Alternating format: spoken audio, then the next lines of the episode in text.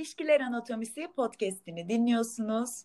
Evlilik Anatomisi bölümündeyiz. Konu hakkında hiçbir uzmanlığımız olmamasına rağmen, hatta bu sefer tecrübemiz de olmamasına rağmen evlilik hakkında konuşacağız. Nage, neden evlenmek istiyor insanlar? Aslında bence bu sorunun cevabı yaşadığın coğrafyaya göre, yaşadığın kültüre göre çok değişiyor. Ya şeyi düşündüm biraz yani insanlar neden evleniyor, bu nasıl başlamış, ne olmuş diye düşününce Şimdi evlilik dediğimiz şey aslında bir imza, hani bir karşılıklı e, alignment süreci ya, bir kurallar çerçevesine oturtuyorsun yaşadığın şeyi. Hani sanki ya benzer şeyler hangi durumlarda yaşanıyor gibi düşündüm. Böyle oturup işte imzaladığım falan ne gibi başka durumlar var diye düşündüm. Mesela bir mal alıp satınca bunu yapıyorsun değil mi? Ya da işte kredi çekerken oturup bir şey imzalıyorsun. Ya da işe gireceksen yapıyorsun. Genel olarak karşılıklı bir hükümlülük söz konusu olduğunda oturup böyle bir imza sürecine giriyorsun. O yüzden aslında aşk, sevgi dediğimiz şeyleri hükümlülüğün altına almak değişik bir konsept aslında. Getirileri var öncelikle. Hani pozitif anlamda bu yükümlülüklerin getirdiği var. Mesela evlilik sonrası alınan, birlikte yapılan mal mülkün paylaşımı gibi. Ya da e, hiç çalışmayan kadının ayrıldıktan sonra güvencesini sağlamak gibi e, evliliğin pozitif yükümlülükleri var aslında. Evet aslında birçok durumda kadını kollayıcı hükümlülükler taşıyor bu açıdan. Güzel çünkü maalesef ki adil bir dünyada yaşamıyoruz ve kadınların çoğu durumda korunmaya ihtiyacı oluyor. Legal olarak bunları sunan bir şey olması avantajlı. Ama ya şeye baktım ben biraz böyle evlilik ilk ne zaman çıkmış, niye olmuş diye biraz kurcaladığımda aslında milattan önce 2000'li yıllarda ilk evliliğin yapıldığını tespit etmişler. Oha, milattan önce evet, mi? milattan önce. Ve Mezopotamya'da ilk e, evliliği görmüşler. Müthiş. Yine bu coğrafyalardan çıkmış ya. Hiç şaşırmadım abi. Anadolu kadını. Ve yani aslında bu evlilikten önce insanlar yaklaşık 30 kişilik böyle gruplar halinde işte o grubun birkaç tane erkek lideri ve birkaç tane kadını ve işte çoluğu çocuğu olacak şekilde böyle yaşarlarken daha sonra hani bu kıskançlık anatomisinde de bahsettiğimiz şey durumu vardı ya erkekler kadından hani bir çocuk yaparken o çocuk gerçekten o adamın çocuğu mu bundan emin olamadığı için böyle bir işte kıskançlık, tereddüt, garip hisler yaşıyor gibi biyolojik bir durum konuşmuştuk ya. Aslında söylenilen Hı-hı. şey erkeğin gerçekten o kadının çocuğunu erkeğin çocuğu olduğundan emin olması adına biyolojik olarak bunu garantiye almak için kadınla yaptığı işte bir anlaşma yani o noktada. Oraya bağlanıyormuş bak bu da. Yani ve ilk zamanlarda hatta böyle sevgi, aşk falan öyle şeyler yani yıllarca evliliğin içinde yer almamış yani. Aslında bir mal varlığı olarak ne yazık ki hani kadını görme üzerine konulu bir e, şey varmış evlilikte yani. Yani yıllar sonra aşk, sevgiye dahil olmuş evliliğin içine okuduklarımdan gördüğüm kadarıyla. Peki şimdiki düzende yani günümüze geldiğimiz zaman? Evet günümüze gelelim. İşte günümüze geldiğimiz zaman da evliliğin gerçekleri senin yetiştiğin aile, topluma göre çok değişiyor. Ya şimdi ben kendimi düşününce şu kavramı anlamsız buluyorum aslında. Yani burada bir sevgi aşk söz konusuysa ve bunu hani taçlandırmak parantez içinde taçlandırmak için evleniyorsan yani bu sevgi aşk aslında yani doğal akışında da yaşanan bir olgu değil mi? Bunu sen bir kurallar çerçevesine hani aman bu kuralların dışına çıkmayalım anlaşmasına sokmak zorunda mısın? Yani ben böyle düşünüyorum. Hani ne bileyim hayvanlar birbirini seviyor bir şeyler yaşıyor evleniyorlar mı? Ya tam bu biraz garip oldu da. ya doğanın içinde doğal olarak var olan bir şey değil evlilik yani bir man-made bir şey günün sonunda ve sonuçta ha bu arada evliliğin çıkışı da yani insanlar 30 kişilik gruplar halinde yaşıyormuş ya sonra onları daha işte düzene sokmak ve erkek işte çocuğunun kimden olduğu belli olsun özellikle e, tarıma başladıktan sonra yerleşik hayata geçince böyle bir evlilik isteği ortaya çıkmış ve bu süreç başlamış. Hani günümüze baktığımızda düşününce aslında dünyanın geldiği noktayı şu an bu kadar ilkel gereklilikler yok ortada ama günün sonunda yine toplumu düzende top tutmak için üretilmiş bir kurum mahiyetinde bir şey değil mi yani? E tabi toplumun en küçük yapı taşı. İlk evet. öğretirler bize. Bir de e, sadece hani aile olmak kavramı ya da aile olmak kavramı için evliliğe ihtiyaç var mıdan önce yani biz öyle değildik, öyle yetişmedik ama şu şekilde yetişen bir nesil var aslında. Yani beyaz gelinlik giyeceğim, e, büyük bir yerde düğün yapacağım, çeyizlerimi sergileyeceğim. Yani bunu küçüklüğünden beri bunu hayal eden, bu hayalle büyütülen ya da bu hayalle büyüyen işte bir nesilde var aslında. Yani çevremizde de vardır ya. Benim çevremde de vardı yani. Hani işte atıyorum gelinliğinden bahsediyor. Yani daha 18-19 yaşında ama ben mutlaka böyle hani strapless şuralarında e, küçük dantellerinden falan bir gelinlik istiyorum. Yani ya şey dedin ya toplumun işte temel yapı taşı ailedir deniyor bize. Resmen aile olmazsan yani en az iki kişi olamazsan dışlanıyorsun. Sen toplumdan değilsin diye böyle bir ayrımcılık görüyorsun. Sonuçta bununla yetişince tabii ki kafalar o yönde gelişiyor. Yani burada kimseyi yargılamak doğru değil. Tamamen bunlarla büyümüşsen bu şekilde olmak çok normal. Hatta ben de bunlarla büyüdüm ama nasıl daha farklı bir noktaya geldim bilmiyorum. E şimdi aynı şeyi söyleyecektim evet yani sonuç olarak bizim ailemiz de işte hani nispeten bu şekilde büyümedik ve biz hani bu şekilde düşünmüyoruz desek bile geçen şey kendine yetme anatomisindeki ankette 35 yaşına geldiğinde bekar kalırsan ne olur sorusuna canım annem kötü olur yazmıştı evet. yani. Evlenmemi istiyor. Evde çeyiz var. Nage bizim evimizde çeyiz var. Benim çeyizim var, var ya. Evlenme planın olup olmaması hiç önemli değil. Çeyiz olacak. Yani şey de var. Tabii ki bir noktadan sonra tüm çevren bu düzene girince yani sürü psikolojisi yani sen de işte o toplumun e, yapı taşlarından biri olmak sen de istiyorsun yani galiba bir noktada yoksa sen dışlanıyorsun. Ya benim evliliğe bakış açım şöyle genel olarak. Yani evlilik man konseptini çok mantıklı ve cazip bulmuyorum ama şimdi gerçekçi olduğumda Türkiye'de yaşıyorum ve bir noktada bu topluma uyum sağlamam lazım. Yani ben dünyanın en baş kaldıran ve o kadar buna mücadele gücüne sahip bir insan değilim açıkçası yani. Hani bir noktada evleneceğim. Evleneceksem de X kişi olsun. Hani öyle bakıyorum yani evliliğe şu an. Sen nasıl bakıyorsun? Hayır bir şey söyle. Topluma baş kaldırsan annene kaldıramazsın. evet. Yani o daha zor. Zaten en çok ona kaldıramıyorum. Ya ben de şu anlamda karşı değilim ya bu arada. Yani zaten öncesinde hani bir süre birlikte yaşadığım, güzel zaman geçirdiğim ve hani geleceğimi, e, hayatıma on, yani devam etmek istediğim kişiyi bulduğum noktada hani evlenirim. Yani neden evlenmeyeyim? Hani böyle bir şeyim de yok bu arada. Böyle düşünenler de var hani asla evlenmeyeceğim, evliliğine gerek var falan ama mesela ben o kafada da değilim yani. Bir de yani tabii ki bu arada işte birlikte yaşamak evlilik öncesi Türkiye'de insanların yüzde 98'in herhalde pek yapması mümkün olmadığı bir şey. Ya bir sürü insan da aslında evliliği evet. Özgürlük ve bir kaçış olarak görüyor. Ya bu ne kadar kötü bir şey. Aslında sen orada hani gerçekten o insanla hayatını birleştirmek için mi evleniyorsun yoksa yaşadığın baskılardan kaçmak için bir an önce daha özgür olabilmek için mi evleniyorsun? Üzücü yani bu durum.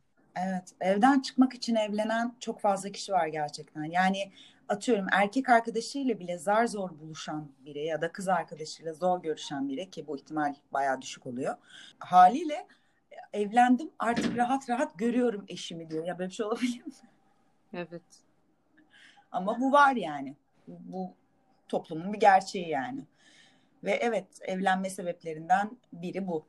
Bir de bir yandan şeyi de anlıyorum. Şimdi insanın içgüdülerine bakınca yani böyle hayatta kalmak ve neslini sürdürmek çok önemli içgüdüler ve evlilik aslında bu ikisine de vesile oluyor diyebiliriz. Yani bence hayatta kalmanı destekliyor olabilir birçok açıdan. Hani birlikte o işte sosyal ilişki, o kolaborasyon falan. Ve bir yandan da tabii ki neslini sürdürmen için de hani evlenmiş olmanı toplum da tabii ki doğru buluyor. Yani insanın bu iki içgüdüsüne vesile olduğu için ben de yani dünyanın en kötü şey gibi bakmıyorum ama bu ikisini sürdürmek için evliliğe gerek de yok bir yandan. Ama hani yaşadığımız toplumda aslında hani evlenmeme gibi bir opsiyon işte ortaokulu bitirmeme ya da liseyi bitirmeme gibi böyle çok default bir şey olarak görüldüğü için o baskıyla mücadele edecek gücüm yok açıkçası yani. Evlenirim hani bununla mücadele edeceğim. ya bizde hayat e, sanki belirli bir sırayla başlıyor ve o sırayla devam etmesi gerekiyormuş gibi öğretiliyor. İşte aslında üniversiteyi bitir, işe gir, erkeksen askerliğini yap, evlen. Evlendin mi? Çocuk yap. Çocuk yaptın mı? İkinci çocuğu yap. Bu sıralamayla yetişiyoruz gibi. Biz yetişmesek bile çevremiz böyle. Bunu görerek büyüyorsun. Bununla devam ediyorsun hayatına ve biz sanki o sıralamada işte atıyorum 30 yaşında bir kadın olarak o sıralamada üniversiteyi bitirdim, işe girdim. Sıra, sıramda o var. Checklist. evleneceğim, evleneceğim. Vermezlerse kaçacağım. Bu kadar doğrusal bir şey değil ama. Yani mesela işte ortaokulu bitirmek, liseyi okumak, üniversiteye girmek dediğin zekan belli bir seviyenin üzerindeyse çalışarak gerçekten elde edebileceğin böyle x eşittir 2y denklemine oturtabileceğin e, gelişmeler bunları yapabilmek. Ama evlilik öyle değil. Çok daha karmaşık şeyler işin içine giriyor. Ve zaten bu yüzden de aslında günümüzde yapılan birçok evlilikte sadece duygu değil aslında böyle daha bütünsel bir düşünce durumu daha baskın yani o duygulardansa. Tabii ki bu arada yani o mantık çok devrede olmalı. Evlilik işte çok daha farklı bir şey yani ömrünü birleştiriyorsun. Birçok şeyi düşünmen lazım. Sadece duygunla körü körüne hareket etmek salaklık olur herhalde. Ama yani bu işte dediğin gibi bir checklist sıralaması gibi değil. Bu kadar doğrusal değil yani. Aslında ben de şunu söyleyince hani hayatını birleştiriyorsun dedin ya. Şunu düşündüm şu anda da. Evliliği büyütüyor muyuz? Çünkü birleştirdiğin gibi boşanabilirsin. Ama bizde öyle bir şey yoktur. Mesela benim annem şey der işte Karadenizli benim anne tarafım. İşte bizde boşanma olmaz. O ne demek anne diyorum ya. Yani anlaşamıyorsan ne bileyim sana şiddet gösteriyor diyelim. Büyük sıkıntı var. Nasıl yani? Hani çok çok büyük bir şey olmadıkça boşanamazsın gibi. Yani böyle o da kültürde takdir edilen bir şey değil ya. Ama ne yapacaksın? Mutsuz bir hayat mı süreceksin yani? Nedir? Yani ben boşanmış bir anne babanın çocuğu olarak hani herkesin hayatına devam edebildiği e, bir düzenin var olduğunu biliyorum mesela. Ki anlaşamadıktan sonra boşanmamak da ayrı bir Gerçi bu sanırım boşanma anatomisinin konusu evet, onu sonra yaparız. bir tane ben araştırma okudum. Çok basic bir soru var ortada. Evli insanlar mı daha mutludur yoksa bekar insanlar mı? Bununla ilgili çok araştırma yapmışlar gerçekten. Ve günün sonunda hepsinde şu çıkmış. Evli insanlar bekar olanlara göre daha mutluymuş biliyor musun? Biz işte evliliği yaşamadık ki biz yaşamadan dışarıdan atıp tutuyoruz. Ben bunu konuğumuz gelince hakikaten öğrenmek isteriz yani.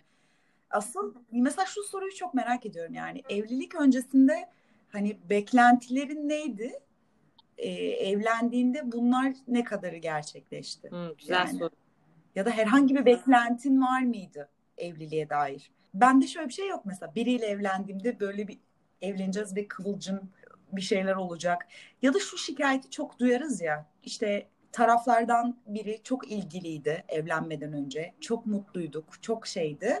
Evlendik, bu değişti. Mesela bu doğru mu? Gerçekten değişiyor mu? Bunları hep soralım konuklarımıza. Bu arada bu demin bahsettiğim araştırmada şeye de bakmışlar. Boşanmış kişilerin mutluluk oranına da bakmışlar. Onlarda eğer çocuğu yoksa bekar olanlara göre boş, boşanmış olanlar daha mutlular. Ama çocuğu varsa boşanmış olan kişilerin biraz azalıyor mutluluk seviyesi. Daha mutlu olmamız için sanırım evlenip boşanmamız gerekiyor Yok, gibi e, anladım. En mutlusu içlerinde en mutlusu evlenenler ve çocuğu olanlar. Bak şey demişler işte yüzde kaçı çok mutluyum ifadesini kullanmış hani hayatıyla ilgili. Evli olup çocuğu olanlar yüzde 41 oranında çok mutluyum hayatından demiş. Ama mesela bekar olanlar yüzde 20 seviyesinde mutluyum demiş. Bayağı fark var yani. evet. Yani evlenip çocuk yapmamız gerekiyor. Aynen.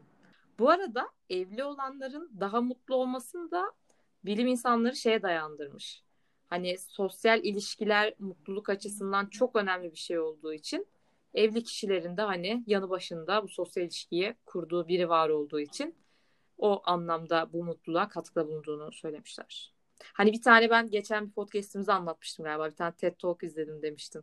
Hani orada hayattaki mutluluğun en büyük kaynağı sebebi nedir diye araştırdıklarında yıllarca buldukları şeyin aslında sağlıklı sosyal ilişkiler olduğunu buluyorlar. Yani ne para ne pul hepsi geride kalıyor ama sosyal ilişkiler en çok öne çıkıyor.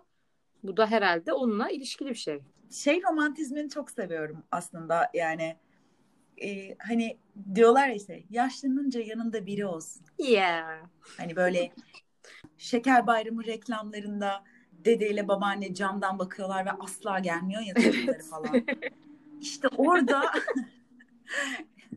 o hüznün içinde boğulduğun biri daha olsun. Aynen gibi. birlikte bu Benim hoşuma yani gitti. o şeker bayramında. Aynen birlikte o hüzün hani Allah'ım ne kadar da hayırsız çocuklar ve torunlar yetiştirmişiz hüznünü birlikte yaşayacağım birine ihtiyacın varmış gibi hissediyorum. evet. hani Bu da bir bayramda gelin ulan yani anladın mı? Her şeker bayramı da gelinmez mi yani? evliliğe pragmatist bir bakış açısı. Evet. bu bu tatlı bir romantizm yani. Hani ya, yaşlandığımda yanımda ton ton huysuz bir ihtiyar olsun istiyorum. Niyeyse kafayı yemişim çünkü. Ay, insanlar gelinlikle bir de huysuz Ece, istiyorum. insanlar gelinliklerini falan hayal ediyorlar. Sen niye bu kadar ileriyi düşündün? Abi ben şu anda da emekliliğimi hayal ediyorum ama gayet tersten geliyorum yani. Benjamin Button kafası yani ben yani daha iş hayatının başlarındaki tatlı bir fidan gibi dursam da tek hayalim emeklilik. Hangimizin değil ki? Geçen LinkedIn'de dolaşırken birinin böyle şeyini gördüm işte hani ne iş yaptığını yazıyor ya, emekli yazmış kocaman kenarına. Dedim ki ya evet LinkedIn'e yazmak istediğim şey bu yani. Ha bir de evlilikte şu da var. Şimdi dünyada kaç milyar insan var? Yani bu evlilik kararını verirken hata yapma ihtimali çok yüksek. Ama yani hani dediğim gibi işte yani hata yaptıysan da ayrıl başka biriyle devam etme şansın devam ediyor yani. Bu dünyanın son kararı değil yani. Evlilik kutsaldır, bozulmaz. Aynen. Bir de yani evlilik kutsaldır, okey. Peki yani aşk, sevgi daha mı az kutsal yani? Ne bileyim bir imza formalite olunca İşte. onu daha mı kutsal yapıyor bu?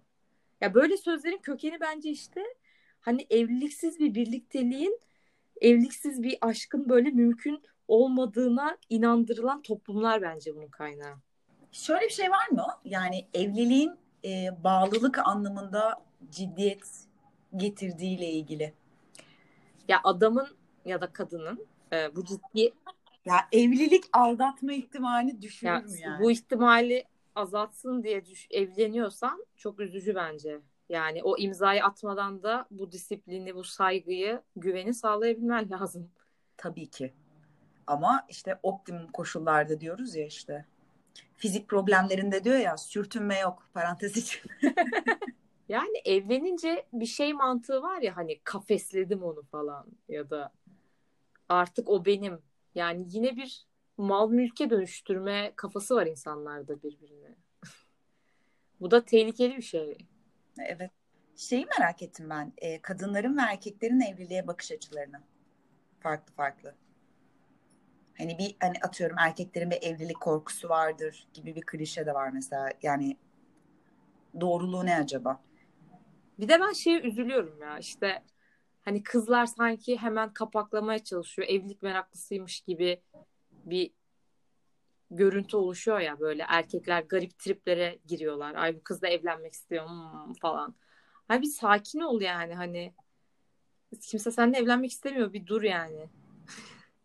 Ya bu arada evlenmek de istiyor olabilir. Evlenmek istemesindeki büyütülecek olay ne mesela? Evet Yani? O da garip haklısın. geliyor bana. Ya burada bir arz talepte ama sanki dengesizlik varmış da erkekler böyle kapış kapış gidiyormuş da bilmiyorum böyle bir durum var gibi hissediyorum ve bu beni rahatsız ediyor. Kızlar çok meraklıymış da.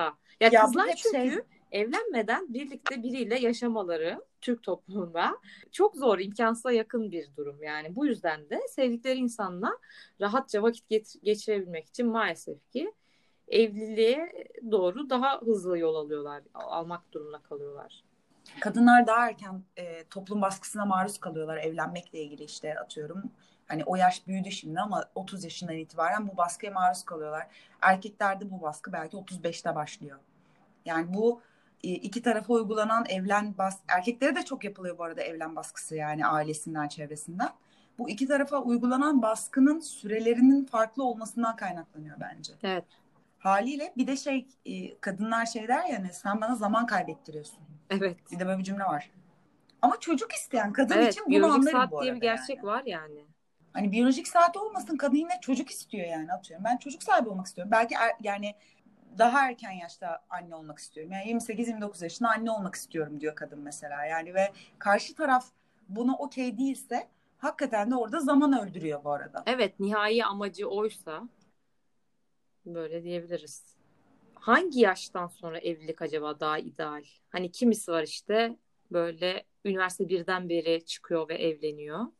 Acaba onlar mı daha mutlu yoksa 30'undan sonra tanışıp evlenenler mi daha mutlu? Bunu bilmek isterdim. Ya bir de bir yaşa kadar kendin de kendini yeterince tanımıyorsun, ne istediğini bilmiyorsun ya. Daha kendi kişiliğinle ilgili birçok şeyi oturtmamışken başka biriyle hayatını birleştirmek daha da komplikeleştiriyor yani olayı. Yani benim için en azından atıyorum birlikte yaşamadan, bir kere tatile çıkmadan işte biriyle evlenme fikri e, korkutucu geliyor. Yani onu ilk defa birlikte yaşarken bir tanıyacağım fikri korkutucu Benim geliyor. babaannemle Yani. dedem nikahta tanışmışlar biliyor musun? Çok değişik. ya bazen de diyorum ki acaba dümdüz öyle konuya girmek daha mı iyi diye bazen düşünüyorum. Olabilir ya onu da yani sonuç olarak görücü usulü evlenen tanışan bir sürü insan var yani ve gayet mutlular yani Ya öyle çünkü bakarsan. bir de şey var hani tabii daha eski yıllarda bu daha sık oluyordu. Bir atıyorum bir tatlının diğer çeşitlerinin tadını bilmezsen onları canın çekmez ya da seçenek e, durumu olmaz ya. Direkt önünde ne varsa ve seni doyuruyorsa onu gel gidersin yani. Diğerlerinin varlığından haberdar değilsen bilmiyorsan. Belki de mutluluk budur. Bilmiyorum. Belki de eşim şöbiyettir diyorsun. Yok künefe. Peki düğün hakkında ne düşünüyorsun Ece? Ay Nagi böyle kız kulesinde bir düğün istiyorum. 100 kişilik. Ama böyle yuvarlak masalar istiyorum. Zaten çok ünlü bir düğün şeycisi var. Onunla anlaşacağım. Aranjmancısı ne deniyor onlara bilmiyorum. düğün organizatörü var. Ee, onunla anlaşacağım. Çiçeklerimi Nilüfer istiyorum. Ee, Nilüfer için küçük göletler yaptıracağım her masaya. Her masaya göle. Ee, böyle bir düğün hayal ediyorum. böyle bir düğün hayal ediyorum küçüklüğümden beri. Sen Ben düğün seviyorum ya. Düğün bence harika bir eğlence ortamı. Şey gibi görüyorum ben düğünü. Hani bir akşam arkadaşlarına çıkmışsın dışarı, eğleniyorsun ve herkes oraya süslenip püslenip senin için organize edilmiş bir o ortama gelmiş sevdiğin insanlar. İşte güzel müzik var, mümkünse alkol var, dans var. Güzel ya ben düğün çok seviyorum. İşte bunu düzenleyene sormak lazım. Nelerle uğraşıyorlar diye yani. Çok masraflı. Öncelikle bu önemli bir şey yani hakikaten. E, düğün ciddi bir kalem yani. Yani getirisi götürüsü denk değil yani Benim bazı düğünün. arkadaşlarım başa baş getirdiler ya. Ama düğünle bitmiyor ki yavrum. Genellikle evlenince işte e, sıfırdan ev kuruyorsun. Bilmem ne yapıyorsun falan filan. Ya da düğün yapıp daha böyle ucuz bir düğün yapıp oradan arttırdıklarıyla işte bir sürü şey alan da var. Bir cash flow kaynağı olarak da Yani. değerlendirenler var yani de.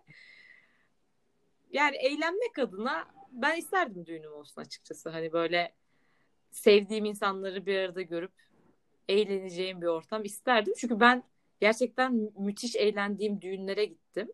Hayatımın böyle en güzel 10 akşamını saysam içinde kesin düğün akşamları vardır yani.